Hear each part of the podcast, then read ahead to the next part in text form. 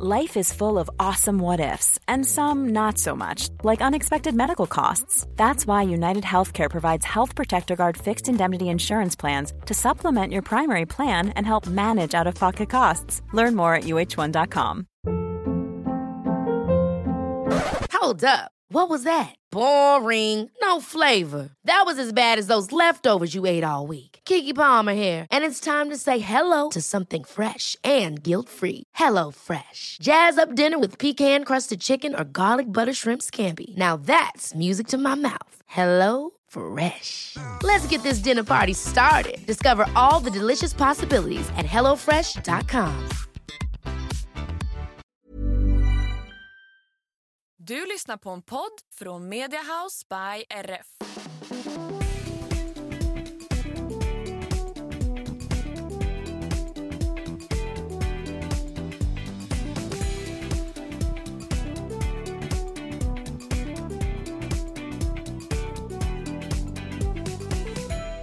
Hej på er allesammans och varmt välkomna till systrarna Älvstrands hästpodd avsnitt 203. Välkomna, jag som pratar nu heter Emma. Och jag heter Anna och det här är podden om oss och våra fyra hästar. Och jag tänker att nu har vi ju gått in i ett nytt år. Så jag tänker att vi ska ta och göra en liten presentation av oss. För att det kan ju hända att vi får nya lyssnare, vilket vi ju hoppas. Det är ju Mm. kul att vi blir fler i den här lilla poddfamiljen. Och ja, då är det väl på sin höjd att vi tar och presenterar oss lite. Ja men exakt. Och jag heter då Emma, jag är stora syster och jag är född 14 juli 91 så just nu så är jag 32 år gammal. Och eh, jag, folk frågar hela tiden vilken häst är din och vilken häst är din? Men vi har ju fyra hästar tillsammans du och jag Anna. Så jag tänker du kan ju presentera dig själv först och så kan vi prata lite om hästarna sen. Ja, och jag heter då Anna, är lilla syster, född 3 mars 1993. Gud, jag höll på att säga 1991 nu. Folk frågar ju ibland om vi är tvillingar, vilket vi inte är. Vi är bara Mm. Nej. det själsligt. Exakt. Nej, men vi har ju alltid varit, eller nej, inte alltid varit så bra kompisar, men från typ tonåren Ja exakt. så har vi vuxit ihop. Och det är också många som frågar, bråkar ni aldrig? Och nej, Nej. i princip aldrig. Nej och gör vi det så går det över på typ en minut. Mm. Så vi är väldigt tajta. Vi jobbar ju med eh, podcast, YouTube, Instagram och ja, alltså vi, vi lever på våra sociala medier helt enkelt. Precis, driver eget företag tillsammans. Och, Och- tycker det är väldigt kul. Ja, och allt är ju egentligen inriktat på hästar och ridsport. Mm. Vi har haft en hel del PN Jumps och så på våran, eller nu säger jag våran gård, det är ju du som bor här, på, där hästarna bor. Men i år så har vi, förlåt, förra året, nu är det ju nytt år. Ja. Jag kommer säga 2023 hur länge som helst nu för det är svårt att ändra om där. Men eh, vi har ju haft mycket Jumps innan, men förra året så hann vi aldrig med det. Så vi får se om det blir lite nu i år. Men vi har ju hästar som så här grundkärnan i vårt företagande. Ja men precis, det stämmer bra det. Och vi har som sagt fyra hästar. Den äldsta det är lille Tage. Han är ett danskt varmblod efter kavalett Brightbird och han är ju egentligen helpensionär numera. Så han går bara och guttar sig i hagen. Tidigare så har ju vi tävlat honom ja, med både i hoppning och dressyr men mest i dressyr för att hoppningen, ja, vi har haft lite problem med det. Vi har haft lite dåligt självförtroende, tränat för fel tränare och sådär back in the days. Men han är ju så här världens snällaste lilla häst som man kan göra vad som helst med. Ja, verkligen. Jag har ju ridit mycket i halsring på honom, barbacka, bak och fram, upp och ner. Nej, inte riktigt. Men man kan göra vad som helst med honom och man kan sätta upp vem som helst på honom. Och han är född 2000, så han fyller ju 24 i år nu då. Och eh, han är 162 centimeter i mankhöjd, så han är äldst och minst. Precis. Och jag uppskattar honom så mycket, även om vi, vi rider ju inte honom nu så. Vi kommer ju säkert inte att eh, låta honom vila hela tiden. Vi kanske tar någon ridtur här och var när vi får feeling och när vi känner att han kanske är sugen på det. Men eh, jag har verkligen uppskattat honom så otroligt mycket. Speciellt under åren som jag har haft mycket problem med hästen som egentligen är mer min, som är Fokus. Han är född 2010 efter Harley VDL Pitcher S, så han är ju hoppstammad och har en väldigt fin pappa. Och är väldigt lik sin pappa faktiskt också när jag har Ja. googlat fram bilder. Och jag köpte honom för, ja det var i slutet av 2017. Och han var utbränd som hopphäst och jag tänkte att ja ja men jag vill ändå hålla på med dressyr me- mest. Så skitsamma, det, vi har ju andra hästar att hoppa på. Men det jag inte riktigt insåg var ju att det, det, alltså nu i efterhand så tänker jag efter att när en människa blir utbränd då är det inte så att ja, den kan bara inte jobba utan man blir ju liksom dålig överlag. Mm. Om du förstår vad jag menar, psykiskt. Ja. Och så var det ju även med fokus då. Ja, och han var ju också väldigt traumatiserad för Mm. han kom ju nästan direkt ifrån Holland när du köpte honom Mm. och har antagligen inte varit med om så himla roliga grejer där. Jag kan tänka mig att de har pressat honom väldigt hårt och väldigt tidigt. Slagit honom antagligen. Mm, han har säkert varit utsatt för barrering och mm, allt sånt där. Så det sägs ju att han har tävlat rätt höga klasser i hoppning. Han var ju sju år när du köpte honom. Mm. Eh, vi har ju ingenting som vi kan bekräfta det här med, men ja, alltså han har ju blivit utnyttjad på något vis back in the days kan Ja. man ju säga. Och de som jag köpte honom av påstod ju att han hade gått in 40. Mm. Men som sagt, vi har inte hittat några resultat. Så vi vet ju inte. Nej. Men eh, de påstod det i alla fall. Och han är väldigt fin. Han är 173 cm i mankhöjd. Vi har startat ett par medels B med inte så jättebra resultat för att ja, vi har inte riktigt varit där när vi har startat de klasserna. Men eh, han är en väldigt härlig häst. Numera väldigt rolig att rida varje dag. Mm. Det har inte alltid varit så. Vi har haft mycket problem. Och ja, jag ska inte rabbla allt nu. Men jag tror att jag hade kunnat prata om fokus i flera timmar annars. Ja, han är en speciell häst. Han är alltså supersnäll. Men han har mycket trauma som har gjort att du har fått jobba väldigt mycket med honom kort och gott. Ja, verkligen inte ett ont ben i den hästen. Nej. Men det har blivit mycket... Jag har ju varit ganska rädd Mm. och orolig och osäker i och med honom bara för att han har haft mycket trauma bakom sig. Och då har han reagerat på sätt som inte han kan rå för. Så. Men vi har ju också jobbat väldigt mycket med hjälp av en mentaltränare som heter Anna. Hon har ju gästat podden också för väldigt länge sedan Mm. dock. Och med hjälp av henne så har ju vi lyckats att börja hoppa igen också. Ja. Så nu under, ja det blir väl minst fyra år va? Mm. Så har vi ändå kunnat hoppa. Ja. Och det trodde jag ju inte när jag köpte honom för att han, han hatade verkligen bommar och hinder, och var jätterädd för dem. Men eh, nu kan vi hoppa och även om jag kanske inte satsar på att ja, men vi ska klättra i klasserna i hoppning så är det ändå väldigt härligt att kunna variera träningen och jag vill också gärna i år komma ut och hoppa lite lägre Ja. klasser. Men det kommer ni definitivt göra. Mm. Men vi har ju två tjejer i stallet också. Vi har två ston och den första det är Bella och det är min häst som jag köpte 2018 när hon var fem år. Hon är född 2013 efter Boss Alcatraz. Så hon är hoppstammad, också 173 centimeter precis som Fokus. Betydligt grövre än Fokus. alltså hon, hon är en riktigt så här, bitig tjej. Vilket ju kanske inte alltid är så himla positivt men hon är underbar att rida. Hon är väldigt ridbar, väldigt mjuk i munnen, väldigt lätt i handen, lätt åt sidorna. Alltså hon är en väldigt rolig häst att både rida hoppning och dressyr på. Och jag har ju tävlat henne både i hoppning och dressyr, mest i hoppning. Och dressyren är hon väldigt fin i men hon är väldigt svår att sitta ner i traven. Så det blir att jag drar mig lite grann för just själva tävlingsbiten där. Jag kan understryka att det är inte jättekul att sitta på henne i trav. Nej, exakt. Men eh, hon är en riktigt bra allround-häst. Jag har ju blivit klubbmästare med henne i både hoppning och dressyr till exempel. Eh, hoppning har vi tävlat upp till 1,10 och dressyr har jag också startat någon medelsvår B, men vi behöver inte prata om det.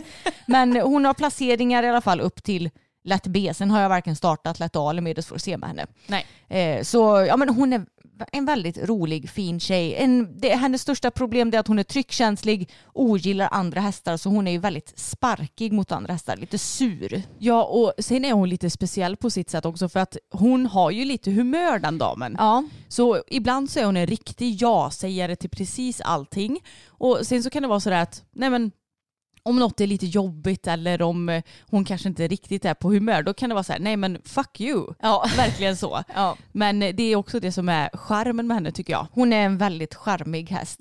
En riktig fighter. Hon är en riktig fighter och just nu är hon på väg igång efter en skada. Så jag hoppas på att vi ska kunna vara igång och tävla igen till våren. Men eh, jag tar det lite som det kommer och vi får se allting. Mm, och hon är ju din häst. Ja, Men eh, jag snor ju henne lite ibland.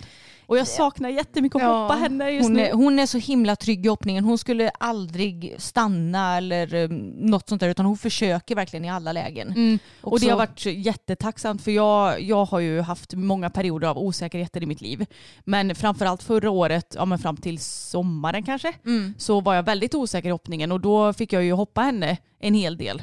Eh, för att du ja, lånade ut henne till mig. Ja. Och det var så tacksamt för att nu känner jag att jag är mycket mer bekväm med att hoppa igen. ja, men hon är riktigt bra plåster på såren om man har några sådana. Ja, Och sen har vi då en till tjej, Pebban. Hon är född 2015 och vi köpte henne för ja, men ett och ett halvt år sedan. ja ungefär.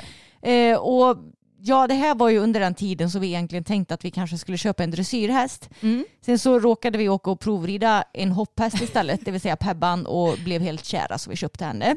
Så det är ju då ytterligare en hopphäst som vi har. Hon är belgisk efter Joppy van de Wateringhoven Randel Z. Hon är 1,74 har vi konstaterat. Japp. Men man kan inte tro det för hon har väldigt kort hals, är väldigt så kompakt i kroppen överlag, lite byggd i nedförsbacke så hon ser sällan så stor ut.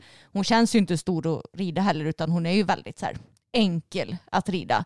Men hon är ganska så stor. Eh, absolut inte lika grov som Bella dock så hon har ju kanske lite mer fördelar med sin exteriör jämfört med henne. Ja, helt klart. Och hon är ju en häst som säger ja till allt. Hon är ju till skillnad från Bella, hon har ju inte särskilt mycket humör. Nej. Utan hon försöker alltid, hon vill göra sitt bästa, hon tycker allt är kul i princip och nej men hon är verkligen helt underbar. Sen har jag ju insett lite att jag kanske inte tycker att vi klickar helt hundra i ridningen. I alla fall inte precis just nu. Nej. Men det kan ju komma att ändras också. Ja. Men eh, hon är ju helt fantastisk. Alltså, det, jag, jag vet inte hur jag ska förklara det här med att vi inte klickar helt hundra för hon är ju egentligen en helt underbar häst. Hon är mjuk, hon är fin, hon är härlig att sitta på. Hon, eh, ja, men hon har ju nästan inga hinder i kroppen. Nej. Men det är väl det att hon är pyttelite stark i handen. Mm. Och det är ju ett ridbarhetsproblem som vi håller på och jobbar med. Ja och det beror ju säkert lite på att hon är byggd lite i nedförsbacke och jag tycker Ja. att det har blivit bättre nu när vi har tränat för då har hon kommit bak eller upp mer. Så då har hon blivit mindre stark men det är fortfarande egentligen det enda problemet hon har att vi försöker få upp henne lite mer i fram. ja, få upp och ihop henne. Och det är väl just ett sånt problem som jag har egentligen inte ridit så många starka hästar. Nej. Och då är det kanske just det som gör att det skaver lite inom citationstecken. Ja. Men eh, ja, så du är ju den som rider henne mest i alla fall just ja, nu. och hon är ju en otroligt härlig häst som sagt. Jag har ju blivit klubbmästare också med henne både i hoppning och dressyr så hon är en väldigt bra allround-häst även om hon egentligen mest har tävlat hoppning. Hon har tävlat upp till 1,20 med sin förra ägare. Eh, Jag har bara hunnit starta en meter på henne hittills. Men planen är i år att jag ska komma ut och starta ja, men åtminstone 1,10. Hon eh, är ju skadad just nu så vi håller på och rehabbar henne så hoppas jag på att hon ska komma igång också. Kanske vara redo till våren, vi får se. Eh, det är ju som med skador, det går ju inte att sätta någon exakt plan utan du får ju göra uppföljningar hos veterinären och se vart vi hamnar. Men jag är så tacksam över henne för hon är verkligen extremt okomplicerad. Ja, Hon går fram överallt, hon tittar inte på någonting. Hon är, hon är väldigt pigg att rida. Hon kan bli åt det hetare hållet samtidigt som hon, hon är liksom lugn. ja men man blir ju inte rädd. Nej. För det är ju så att man bara oj shit nu kommer hon sticka. Det är Nej. inte på den nivån utan hon är pigg och framåt. Ja, Och en, lite het. Ja, också en väldigt schysst häst. Och, nej, men hon är nog, jag skulle säga att hon är den roligaste hästen som jag har haft. Mm. Förlåt Bella men... eh, Och förlåt Boppen Ja. som eh, finns i himlen. Precis, men hon, eh, ja, hon har något extra Pebban och jag tror att om vi får lite mer tid tillsammans så kommer nog vi att bli ett ännu vassare ekipage. Hon fick ju också hovbensfraktur efter att vi hade haft henne i en månad bara Ja. I hagen. Så vi har inte hunnit träna henne så himla mycket och tävla än då. Nej vi har haft lite otur. Ja, Men ni är verkligen en perfect match tycker jag och Mm. därför känner jag att jag kliver lite åt sidan för er. Även om det, det är ju kanske inte för gott såklart. Nej, och planen är ju att du ska köpa dig en dressyrhäst också. Precis, så ja, det är dags för en påläggskalv. Nu har vi ändå bara, bara tre hästar som vi rider regelbundet så. Mm. Så det är dags att jag får med min dressyrhäst nu tycker jag. Men det ska vi allt se till att fixa. Ja, och det är ju egentligen, ja men vet du, nu, nu har vi ju ändå presenterat oss lite grann. Mm. Och vi kan ju också nämna det, jag är ju mer dressyrinriktad och du är mer hoppinriktad. Ja. Men vi båda gillar ju att hålla på med lite både och. Precis. Och det är typ, det här ska jag hålla fast vid så länge jag eh, känner att jag verkligen vågar. För att jag tycker det är så tråkigt att bara, ah, men jag vill aldrig mer hopptävla. Nej. För jag tycker det är kul. Jag behöver inte hopptävla varannan vecka eller varje månad utan bara jag gör det ibland. Ja. Så att man håller igång det där med att hoppa. Ja men det är samma med mig. Jag rider ju också dressyrtävling ibland. Mm. Mest, även om jag mest hopptävlar så tycker jag det är jättekul att dressyrtävla ibland också. Ja. Men jag tänker att vi bara lämnar presentationen lite grann nu och också kanske prata lite om, för nu är det ju nytt år som Mm. sagt, och kanske prata lite förväntningar över året, vad vi har som lite mål, även om de kan ju vara lite, de behöver inte vara skrivna i sten liksom. Men eh, vad känner du över det här året Emma? Jo men jag vill ju först och främst att båda mina tjejer ska komma igång ordentligt så att jag kan ja, men komma igång och träna och tävla dem igen. Det har varit en seg höst för mig och Bella skulle jag säga för hon har ju varit skadad sen jag tror det var början av september eller något sånt där. Så Ja. hon har ju egentligen varit skadad nu i flera månader. Hon har bara fått skritta och nu hoppas jag att vi ska kunna börja trava igång henne och sådär också. Sätta igång henne lite mer ordentligt. Så jag ser fram emot det och som sagt förhoppningsvis kunna tävla igen senare i vår. Mm. Och Pebban, egentligen samma sak. Hon har ju fått en ligamentskada i ryggen. Så förhoppningsvis är det inte lika lång rehabilitering som det är med Bella.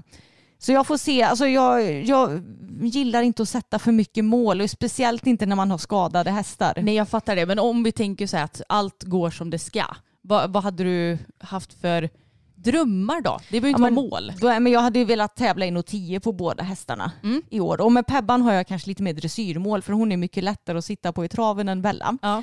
Så det blir lite lättare att rida dressyrprogram med henne. Så jag vill ju komma ut och tävla lätt A dressyr med henne också. Yes. Med placering. För vi har ju blivit, ja, nu har vi bara ridit två dressyrtävlingar, lätt B och då har vi varit placerade i båda Mm. och vunnit ena. Så jag känner nu är det dags att ta nästa steg i dressyren med henne också. Ja och hon är ju väldigt enkel att göra skänkelvikningar och så på så det Ja. kommer inte vara några problem. Jag tror hon kommer göra sig bra i lätt A-klasser. Det tror jag med. Och numera så är ju även medels C lätt A-klass. Och det kommer inte vara några problem för er heller. Nej, så planen är att jag kanske förhoppningsvis kan tävla upp till och med, vad blir det, lätt A4, lätt A5? Lätt A5. Precis. Ja och jag då. Mitt största mål är ju helt klart att hitta min nya stjärna Mm. i dressyren då. Och jag har ju pratat om det tidigare men jag tänker att det är kanske är någon som inte vet vad jag söker så jag kan ju prata lite om det.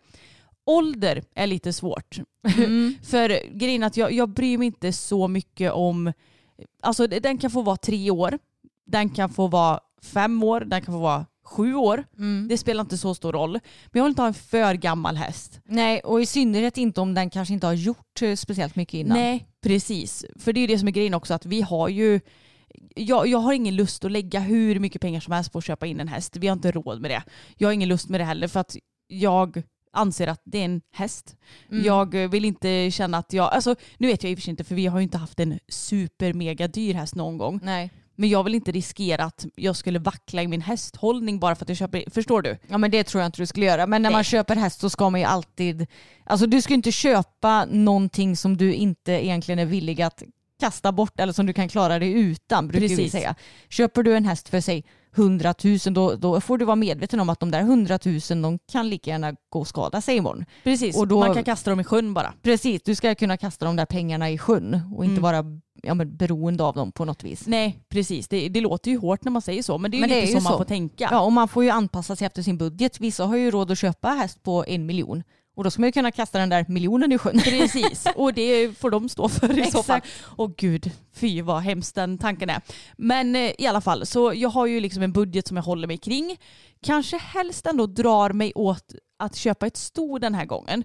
För jag älskar ju mina killar. Mm. Men jag känner ju att Bella och Pebban de har ju kanske lite mer av en fighting De- spirit. Ja men ston de är lite mer fighters tycker jag. Inte, överlag. inte lika mycket mellanmjölk. Och jag, men, men både Bella och Pebban till exempel, de är lite mer att de vill, jag känner att de vill vara felfria till exempel. Mm. Och de vill liksom, ja, men prestera på ett annat sätt än vad kanske många vallacker kan vilja. Ja, lite så. Alltså fokus har ju kanske inte riktigt heller den där, det där lilla extra. Alltså Mm. nu, nu, förlåt fokus, men han är ju underbar på många sätt. Men du förstår ändå vad jag menar. Du som har ridit honom förstår ju Ja, absolut vad jag menar. vi kanske har blivit mer stormänniskor med åren också. Och plus känns att så. då finns det också, det, en ytterligare fördel med stor det är att du kan ju ta föl på stoet ifall någonting skulle skita sig. Precis. Så det är lite det jag tänker också. Att det blir som en liten andra chans.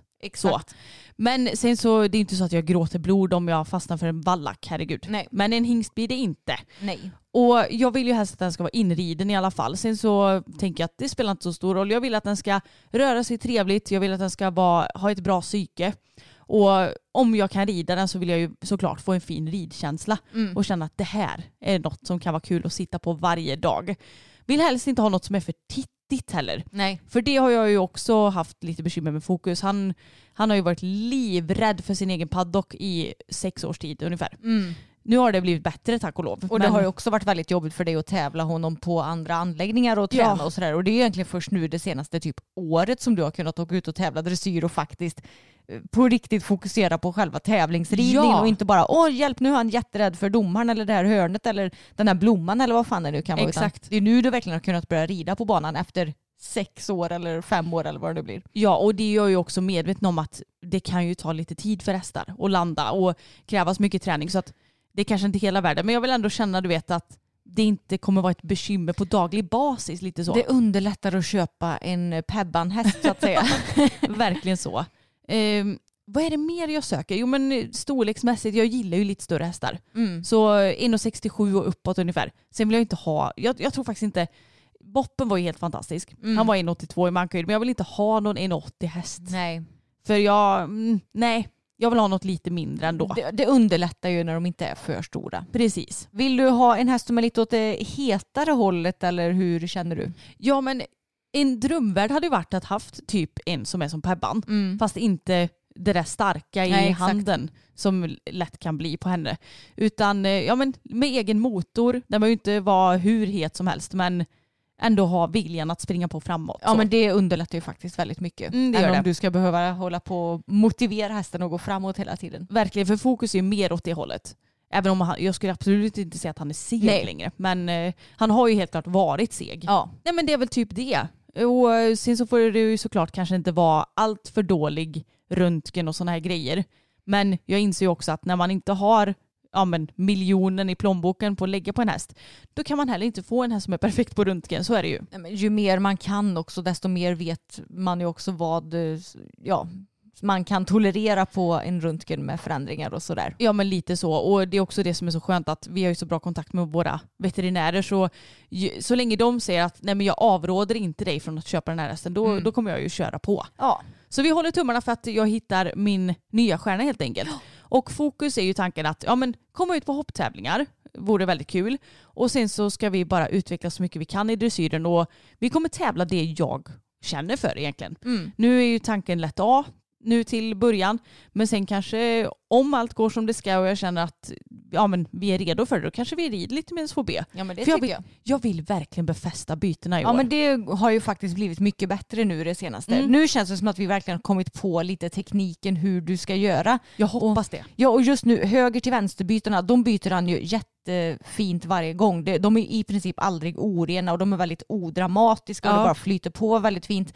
Vänster till höger är ju lite svårare men nu har vi också kommit på lite mer hur vi kanske behöver jobba i dem. Ja, för vi red ju lite häromdagen, eller Mm. jag red och du tittade lite hur jag skulle göra och sådär. Och då så sa du det, men prova att flytta lite, för när jag rider i vänster galopp, han är ju svagare i sitt höger bakben som många hästar är. Mm. Och då så sa du, flytta honom lite för högerskänken innan du byter. Precis för han vill gärna trycka sig åt höger Mm. och då blir han ju inte rak utan då går han ju och böjer sig lite typ åt Han vänster. blir lite som ett S. Exakt, eller C. Ja, precis som ett C nästan.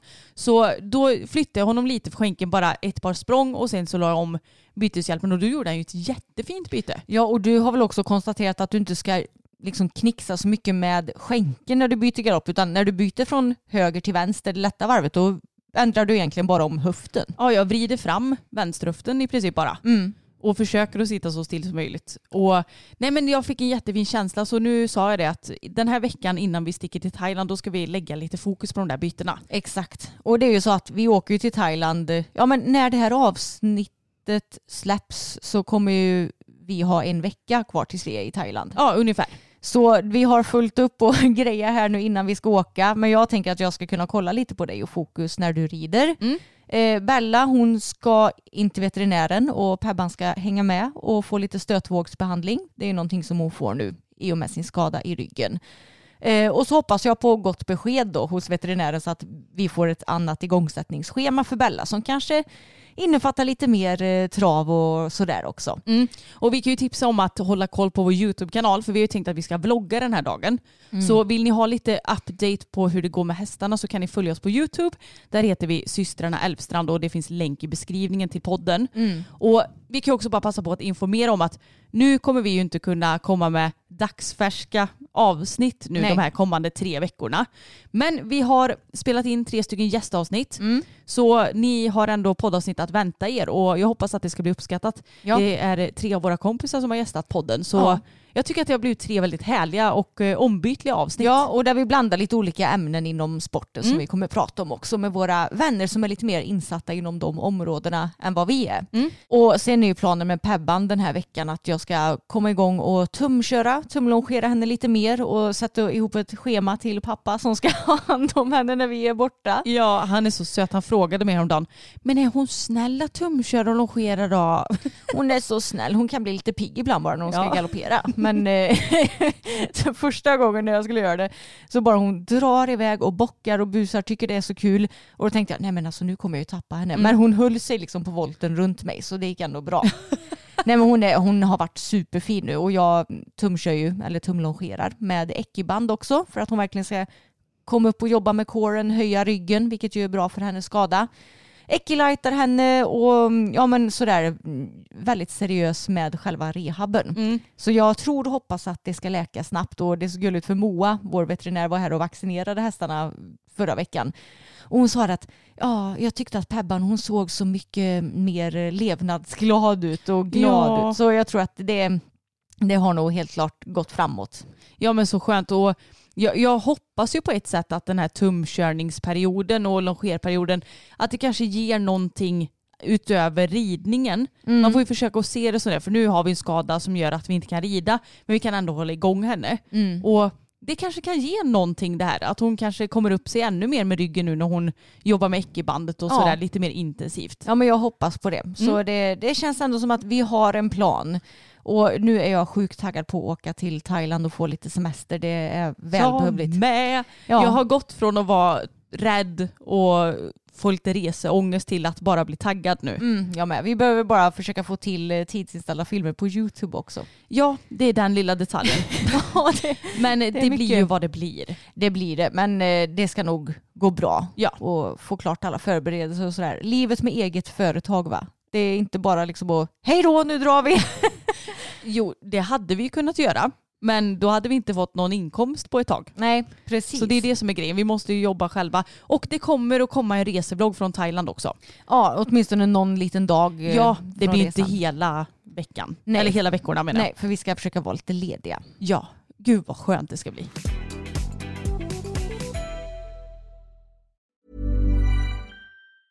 There's never been a faster or easier way to start your weight loss journey than with PlushCare.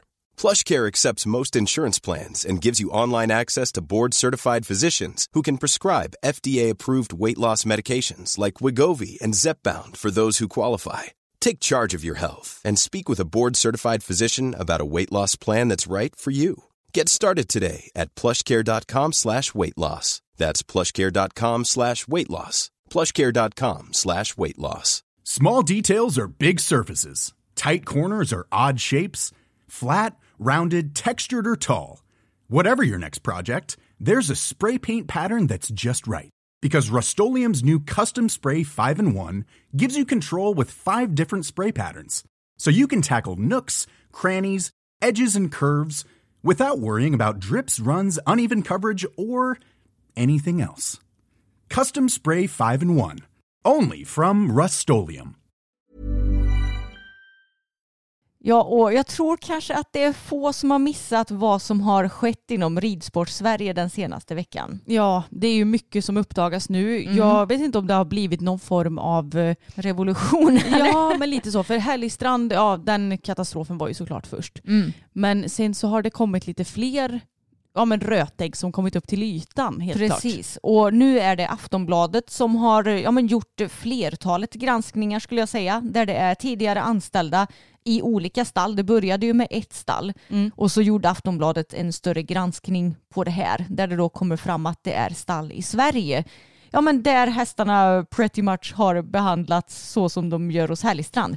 Eller kanske till och med ännu värre enligt eh, de som har jobbat i de här stallen som nu kommer fram Mm. och pratar. Och det här är väl en ung hästutbildare i första hand va? Precis. Så rider in hästar och rider väldigt unga hästar. Mm. Och det är ju fruktansvärt vilket djur man än sitter på tycker jag. Men jag vet inte, det är något som gör lite extra ont i mig när det är, det är liksom början av deras liv och så ska de få Mm. den början på karriären inom citationstecken. Exakt. Jag hade aldrig hört talas om den här personen eller det här stallet förut men det ska ju tydligen vara ett av Sveriges största inridningsstall. Mm. Men tydligen så tar ju då stallägaren emot över 50 hästar för inridning varje år och eh, det står i den här artikeln från Aftonbladet att stallet har haft stora framgångar och efter inridningen så har ett antal hästar utbildats vidare och hamnat hos elitryttare.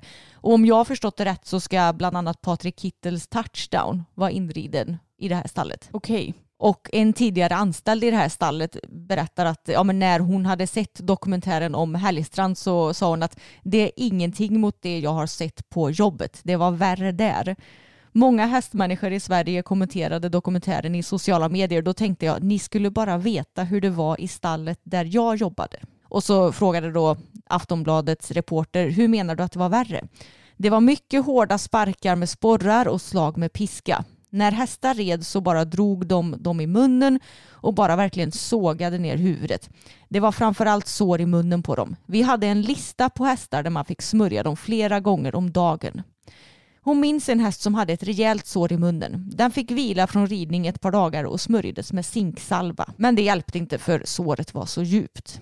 Sen så frågar då Aftonbladets reporter varför lämnar så många hästägare sina hästar till det här stallet? Är det ingen som har klagat? Du måste boka tid. En hästägare får inte komma oanmäld. Inför besöken fick vi tydliga instruktioner att göra hästen fin och att vi inte skulle slå på djuren. Och det här är ju verkligen exakt som i Hellstrand-dokumentären för där var det också verkligen så här att de visste när hästägarna skulle komma och då fick ju ryttarna till exempel ja, men så här, du får inte rida med eh, gramman idag och ja, men Ja. tydliga instruktioner om hur de skulle bete sig. Ja, det är ju verkligen en red flag. Ja, Om du vet att du ska lämna ifrån dig din häst till något utbildningsstall eller någonting och de säger att nej men du får inte komma bara oanmäld. mm. Det är ju helt sjukt. Du ska väl för fan kunna, ja fine jag fattar att man inte kan komma så här klockan ett på natten men du ska väl kunna komma under arbetstid och hälsa på din häst. Mm. Det är ju helt makalöst. Och en annan anställd berättar att första dagen fick jag höra att jag var alldeles för snäll mot hästarna, att jag måste slå hårdare. Och hon menade att det finns ett systemfel i hur inridningen görs och det är att det ska ske snabbt, helst inom sex veckor. Och enligt den här hästskötaren så tar man ingen hänsyn till om någon häst inte förstår eller behöver längre tid på sig för att klara av momenten. Och det här är ju ett stort problem för hästar är ju individer och alla är olika. Vissa går det säkert jättelätt att rida in medan andra behöver mer tid. Men det här bevisar verkligen att det är ju bara en industri, att det ska ske så snabbt som möjligt och med, viss, med vilka medel som helst. Jag skulle precis säga att det här känns så jävla typiskt en eh, företagsam människa på ett sätt. Att det här är min metod och funkar inte det på den här hästen så ska vi tvinga den in i den här mallen. Ja, exakt. Inga snedsteg från den här jävla mallen får tas. Nej. Och hon berättar också att det är många gånger jag har varit med i ridhuset när man rider utan medhjälpare för första gången på hästarna och eh, de inte är redo för det och då bara man sitter med enhandsfattning och matar slag med spöet. Och hästen kan vara så nära bristningsgränsen att de är på väg att lägga sig ner. Och jag vet att det fanns ju också film i den här artikeln där man såg det här bland Mm. annat. Fy fan vad hemskt. Ja, och hon säger också att alla hästar behandlades inte illa. De hästar som gjorde snabba framsteg de undslapp misshandeln och blev stallägarens favoriter. Och eh, enligt eh, den här tjejen så fanns det vissa hästar som stallägaren avskydde och var hennes hatobjekt. Och när hon skulle rida en av de hästarna så blev då den här hästskötaren nervös för att hon förstod ju kanske vad som skulle ske då när Mm. den här hästen skulle ridas. Och det är ju så jävla hemskt alltså. Alltså det går inte ens att ta in det här Nej. på ett sätt. Och ytterligare en tjej som har jobbat som hästskötare berättar att jag har sett hur man piskar en häst bakifrån, framifrån och bakifrån igen så den till slut stegrar sig och slår runt. Helt sjukt. Ja, som sagt det, det är svårt att förstå att det här ens kan ske. Ja, och hon berättar också att det var inte ovanligt att de kom upp med ränder på rumpan och bogarna för att de har blivit piskade så mycket då Mm. efter ridpassen. Och Aftonbladet har också varit i kontakt med stallägaren och hon säger att eh, ja, men hon förnekar att hästarna som hon har inridning piskas vid träning. Hon menar att det varken förekommer våld eller tvång i hennes stall och att hon och personalen arbetar för att skapa en sund och trygg individ. Och hon skriver till eh, Aftonbladet att vi slår inga hästar. Ränderna är sand ifrån underlaget på volten där vi longerar unghästarna. Så menar Ja, alltså att jo. de här eh, spörappen att det är eh, sand som har hamnat i de ränderna. Och som hamnar i perfekta linjer också. Ja, det Mm. låter väl logiskt, eller hur? Ja, om jag rider i leriga paddocker med fokus då får han absolut eh, skvättprickar under magen och på benen. Precis. Men det blir inga ränder på rumpan för det. Nej, och Sportbladet säger också till henne att de har tagit del av filmer där hon rider och piskar hästen och då svarar hon att det låter märkligt. Så, så hon, hon varken förnekar eller bekräftar det då? Eh, nej, det, det verkar inte som det. Ja, herregud alltså. Ja, det är det. Man måste vara väldigt påhittig för att kunna komma på eh, den där sandförklaringen får jag säga. Ja, det hade varit intressant om man har pratat med henne i telefon. Mm. Undrar om det är tyst en stund innan de kommer på det. Ja, det, det är så jäkla knäppt och det här är ju bara ett bevis på att hästar ska liksom inte vara en del av någon industri. Nej. Och det är så fruktansvärt tråkigt att det blir så att pengar ska vara mer värt än djuren. Mm. Och jag tycker det är så bra att Aftonbladet gör de här granskningarna för jag kan tycka att svenska hästmedier har varit jävligt dåliga på det. Jag tycker att tidningen Ridsport och Hipson till exempel, de har rapporterat väldigt dåligt om det här. Mm. Och samma så får vi se ja, men vad som kommer ske med typ Svenska Ridsportförbundet om det här. Det, det går ju rykten om att den här stallägaren ska ju tydligen vara väldigt bra kompis med ordföranden i disciplinnämnden i Svenska Ridsportförbundet till exempel. Mm, vad bra. Och det är inte bra att eh, de har så tajta relationer. Det verkar som att Svenska Ridsportförbundet de har ju egentligen bara gått ut med att det är hemskt att höra om missförhållanden men jätteviktigt att det kommer fram. Nu försöker vi få mer information om vad som skett i det här fallet så allt kommer upp på bordet. Och ja, men jag har förstått att Aftonbladet har ju också försökt kontakta Ridsportförbundet och prata med, ja, med Sandra Ruda och Andrea Bart till exempel. Ja, men få en kommentar om det. Precis, Mm. men inte fått det av dem då som väl ändå är de mer uppsatta inom förbundet som man kanske vill ha en kommentar ifrån. Mm. Däremot så har SVB infört en visselblåsarfunktion efter att det här har kommit fram. Och jag tänker att jag kan läsa upp eh, tidningen Ridsports artikel om det här och den heter SVB inrättar visselblåsarfunktion. En ny visselblåsarfunktion, en domarkonferens, en översyn av unghästregelverken med fokus på hästvälfärd och förslagslåda. Det är några åtgärder som SVB vidtar omgående för att motverka att unga hästar far illa. I januari hålls en domarkonferens som fokuserar på hästvälfärd samt vad som ska premieras och inte i bedömningsmomenten. Visnings och tävlingsmomenten för unga hästar kan vi övervaka och kontrollera med hjälp av domare och veterinär. Det som händer i privata stallar och ridhus är däremot svårare att hantera och reglera för en avelsförening. Det landar i många fall på djurskyddsinspektörerna hos länsstyrelserna. Men för att göra det lättare att anmäla oegentligheter kopplade till SVBs verksamhet inrättar vi omgående en visselblåsfunktion.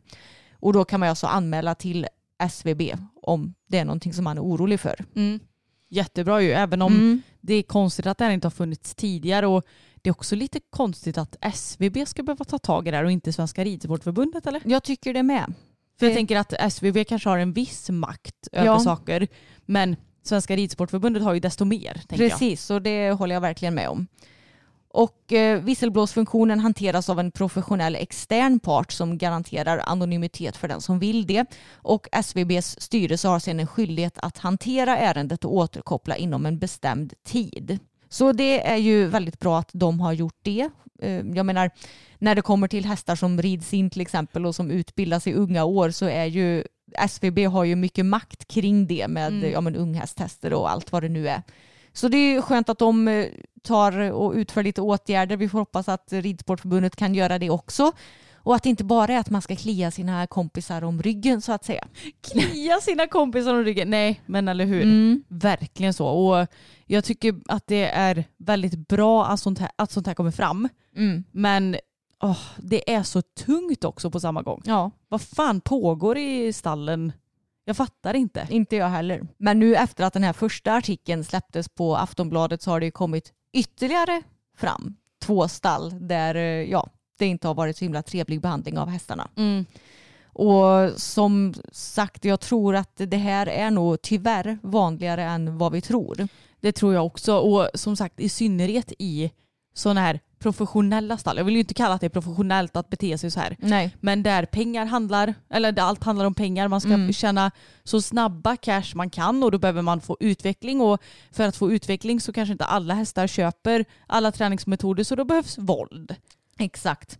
Och jag är så trött på typ så här kröniker och folk som eh, håller på och säger att vi måste börja med oss själva och tänka på hur vi beter oss mot våra hästar. Ja, fast hur jag beter mig mot min häst, det har ju noll inverkan i hur proffsryttaren nere i Skåne beter sig mot sina hästar eller anställda eller vad tusan det nu kan vara. Eller hur? Där är det ju Svenska Ridsportförbundet som får sätta ner foten och även om man gör polisanmälningar eller anmälningar till Länsstyrelsen, vilket jag förstår har förekommit i vissa av de här stallen nu som det pratas om, Mm. då är det väl för fan först och främst de som får ta ansvar och göra någonting så att de här stallägarna får sina konsekvenser. Ja, verkligen så. Jag tycker det blir så här, men det blir sån whataboutism när någon snubbe sitter och sk- skriver att ja men tänk på hur du själv gör. Lägger över liksom fokus på något annat. Det är ju inte vad vi amatörer gör oftast som är problemet. Det är klart att alla gör fel ibland. Ja, självklart. Men det här är liksom personer som tjänar massor av pengar på sina hästar som utsätter dem för systematiskt våld. Det är för fan inte samma sak som att eh, ja, amatörryttaren eh, Karin kanske mm, jag vet inte, råkar- Hamnar eh, efter i eh, hoppsprånget Nej, och drar sin häst i munnen. Precis. Mm. Alla försöker väl att bli bättre. Såklart. Men ja, jag blir så jävla trött bara på folk som säger så. Ja, och jag tror ju att vi hobbyryttare, vi tänker nog mer än någon annan på hur vi beter oss mot våra hästar och hur vi rider dem och hur vi ska utveckla dem. Mm. Jag tror att vi är ännu mer medvetna för att vi vi kanske har ännu mer kärlek till djuret, eller vi har kärlek till Mm. djuret. Det har ju inte ett sånt här stall. Nej, precis. Och jag menar, man kan ju inte heller skylla på att de har dåligt med kunskap, för kunskap har de. De väljer ju att bete sig på det här sättet mot hästarna. Ja, hundra procent. Exakt, så det, det är liksom två, det är som att prata om äpplen och päron. Mm. Och någonting som jag blir eh, sjukt trött på. Lägg skulden där den ska läggas istället för i helvete. Verkligen. Och sen tycker jag också det här med att det blir alltid tal om hästskötarna, att de inte har anmält och de inte har eh, sagt ifrån och de har minsann jobbat där och, och sådär. Ja absolut, men det är ju fortfarande inte de som är grundproblemet. Nej, Det är ju arbetsgivaren. mm, precis. Och dessutom, hur kan man veta att de inte försökte göra någonting? Precis, det har du ingen aning om. Nej, det tar ju folk bara för givet. Och med tanke på som sagt hur ridsporten ser ut när det är så att ja, men så här, ju mer pengar du har desto mer makt har du Mm. basically. Hur ska då en enskild hästskötare som har noll makt, hur ska den kunna få ja, Ridsportförbundet eller någon högre uppsatt att eh, ja, men förstå eller försöka Eller göra något. precis försöka göra någonting. Det, det är ju det här som är grejen. Det behöver ju komma upp och bli sådana här skandaler i media för att något ska göras. Precis. Det är ju det som är hela ridsportens problem. Mm, verkligen så. Så jag kan bli så trött på den här grejen och det är ju säkert oftast, nu spelar det ju kanske ingen roll hur gammal man är, men ofta så har man ju lite mindre eh, självkänsla och eh, vad ska man säga, eh, att man känner att man har någon form av makt ju yngre man är också. Nej, exakt. Att man vågar säga ifrån. Nej. Och ofta är ju hästskötare yngre. Unga tjejer. Mm. Mm. Så jag blir så less. Lägg skulden där den ska läggas. Ja. Och det är hos de här jävla rötäggen som håller på och Mm. slår sönder hästarna. Jag, jag läste det att det stod ju typ som rubrik att man såg att hästarna hade ingen livs... Ja, inte glädje men de hade Gnista. ingen liv, Mm. ja, precis, livsgnista i ögonen överhuvudtaget. Nej. Och jag tror aldrig jag har sett en sån häst överhuvudtaget. Nej. Ja men och sen också mm, om du ska lämna iväg din häst på inridning eller utbildning att du försöker göra en verkligen så här grundlig research. och be om referenser och då kanske inte att du ber om referenser av, alltså direkt ifrån stallägaren utan du kan fråga i Facebookgrupper till exempel. Där kan du ju ja men om man tar eh, Blacklist-gruppen på Facebook till exempel, då kan du lägga ut ett inlägg där. Men du behöver inte begära att få svar direkt i kommentarsfältet utan du kan ju be att de skickar ett DM till exempel. Exakt. Då får du ju också fler Ja, svar. inputs. Ja, precis. Fler inputs och om det är någon som har varit med om något hemskt. Jag vet att jag har ju sett eh, andra inlägg där från personer som har lämnat iväg sina hästar på inridning hos andra stall än de som ens har blivit nämnda där hästarna också har blivit misshandlade och där de har försökt Ja men typ de har anmält både till eh, länsstyrelse, polis, Ridsportförbundet men att de inte har gjort någonting. Alltså vad fan ska krävas för att de ska göra någonting? Ja jag vet. Ärligt talat. Det, det är så sjukt. Men eh, har vi inga lagar och regler på hur man får bete sig mot hästar eller vad fan handlar det om? Alltså jag blir upprörd på riktigt. Ja. Jag fattar inte. Nej. Så ja, summa summarum, det här sker nog på fler ställen än vad vi tror tyvärr.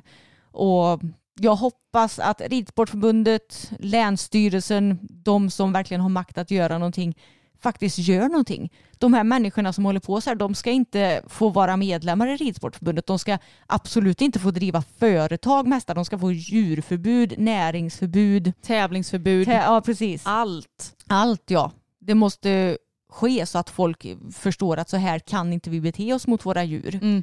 Och det, det finns ingenting förmildrande med det här. Och nu finns det ju dessutom filmbevis också. Exakt. Så då är det ju väldigt enkelt att bevisa att det här har skett Mm. i det här stallet med den här ryttaren.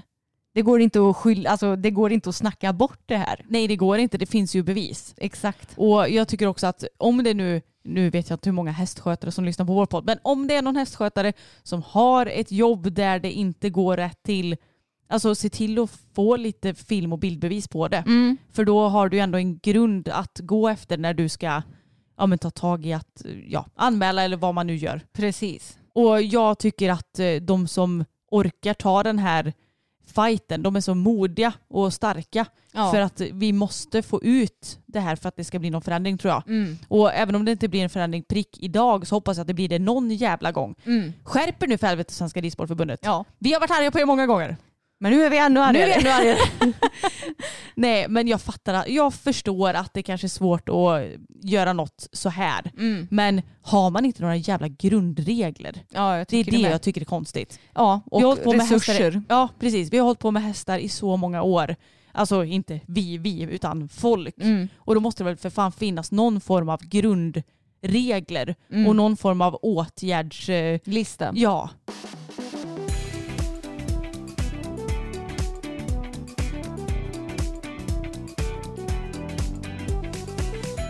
Och jag, jag tänkte ta du och snacka om en liten grej som jag har tänkt på. Både i vanliga livet och inom hästvärlden. Okej. Och det här är ju någonting som jag stör mig väldigt mycket på.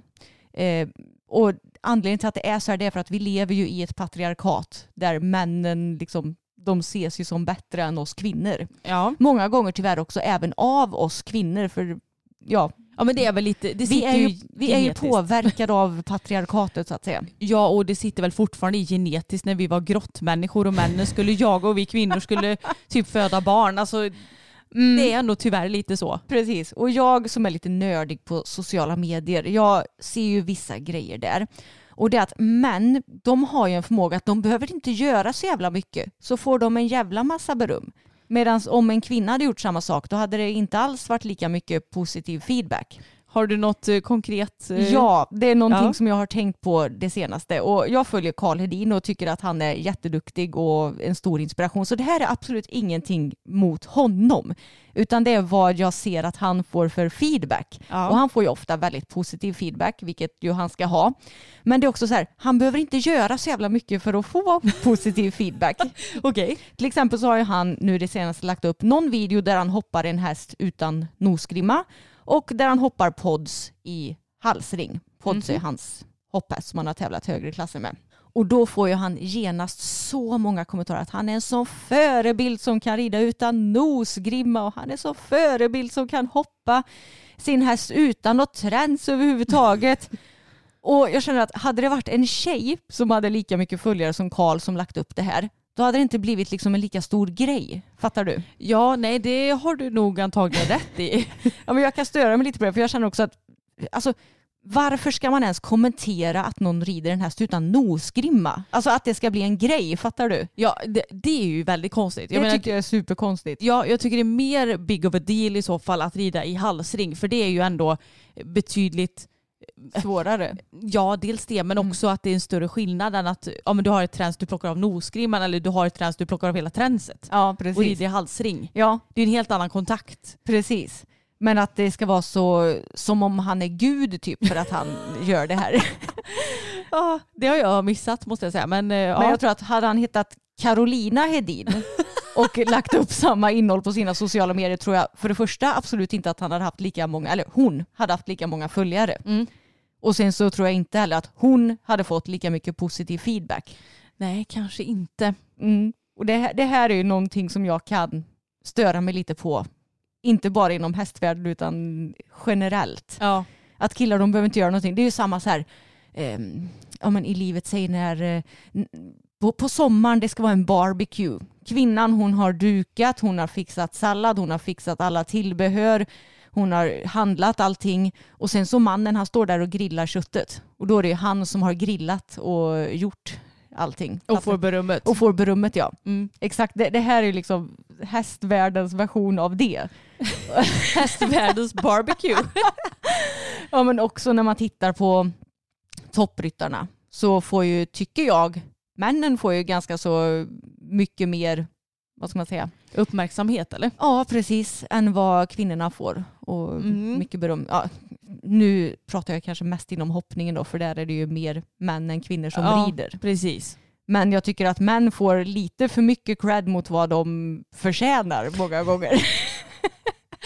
ja, ja. Alltså jag, jag tänk, om inte... vi, tänk om vi hade varit killar Anna. Ja. Undrar hur många följare vi hade haft då? Ja, exakt.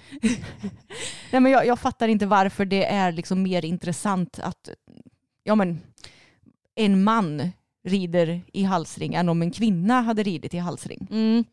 Nej, men jag förstår ditt tänk. Jag har nog bara inte riktigt tänkt på det så mycket som du har. Nej jag vet men det är ju, jag är ju sån himla feminist vet du.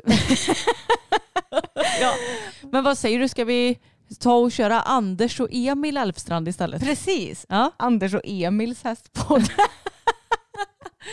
Nej, vi är väldigt bekväma i våra eh, kvinnokroppar så det, det, det får förbli så. Precis. Ja men det var min lilla feministrant så här i slutet på det här avsnittet. Ja, ibland ska man ha sådana också. Ja, det ska man. men det var allt för nu. Då hörs vi igen. Ja, alltså vi hörs ju nästa vecka. Mm. Men vi hörs ju inte förrän om fyra veckor på Nej, riktigt tänkte jag säga. Du och jag kommer typ inte podda på en månad nu. Det är så sjukt. Ja, det är riktigt sjukt. Faktiskt. Riktigt, riktigt sjukt. Vi, mm. vi har ju inte haft ett sånt uppehåll. Jag menar vi går in på vårt fjärde år nu. Ja. Och vi har aldrig missat en vecka. Nej. Det, ja, det är så det är nu. Det är cred till oss, en high five på det. Klapp. Boom! Mm. Men nu är jag sjukt taggad på nytt år. Jag blir alltid lite så pirrig och taggad mm. i början på nytt år. Det, det känns så nytt och fräscht. Ja, jag är mer en så här att jag tycker att hösten blir ett nytt år för ja. mig. Att det blir en ny start. Jo, jag fattar det. Jag, jag tycker det är lite mini-nystart det också. Ja. Och nu tycker jag också, nu har vi kommit ut på andra sidan här Ja. Då tänker jag att nu är det bara så här upplopp mot våren även om det såklart dröjer ett bra tag innan ja, men dess. Vi kommer ju, två veckor av vintern försvinner ju när vi är i Thailand så tänk då när vi kommer tillbaka sen då är det i slutet av januari då är det bara typ en och en halv månad kvar av den här jäkla vintern. Woop, woop. Men tusen tack för att ni har lyssnat på dagens avsnitt. Alla länkar och grejer finns ju i beskrivningen. Och jag kan också passa på att tipsa om att vi har ju eftersnacksgruppen på Facebook som vi har länkat även där i beskrivningen. Mm. Och där lägger ju tjejerna som administrerar upp när vi har släppt video och när vi släpper poddavsnitt och även om vi har kommit ut med lite meddelanden typ att ja men idag hinner vi inte få upp en video och sådana saker. Mm. Så den gruppen är väldigt bra att gå med i för då missar ni liksom inga viktiga grejer när det kommer ja, saker från oss. Exakt. Ha det fint hörni så hörs vi nästa vecka. Det gör vi. Hej då! Even on a budget, quality is non-negotiable. That's why Quince is the place to score high-end essentials at 50 to 80% less than similar brands. Get your hands on buttery soft cashmere sweaters from just 60 bucks, Italian leather jackets, and so much more. And the best part about Quince, they exclusively partner with factories committed to safe, ethical, and responsible manufacturing. Elevate your style without the elevated price tag with Quince. Go to quince.com slash upgrade for free shipping and 365-day returns. This message comes from BOF sponsor eBay. You'll know real when you get it. It'll say eBay Authenticity Guarantee. And you'll feel it. Maybe it's a head turning handbag, a watch that says it all, jewelry that makes you look like the gem, or sneakers and streetwear so fresh every step feels fly. eBay gets it. So look for the blue check mark next to that thing you love and be confident that every inch, stitch, sole, and logo is checked by experts. With eBay Authenticity Guarantee, you can trust that feeling of real is always in reach. Ensure your next purchase is the real deal. Visit eBay.com for terms.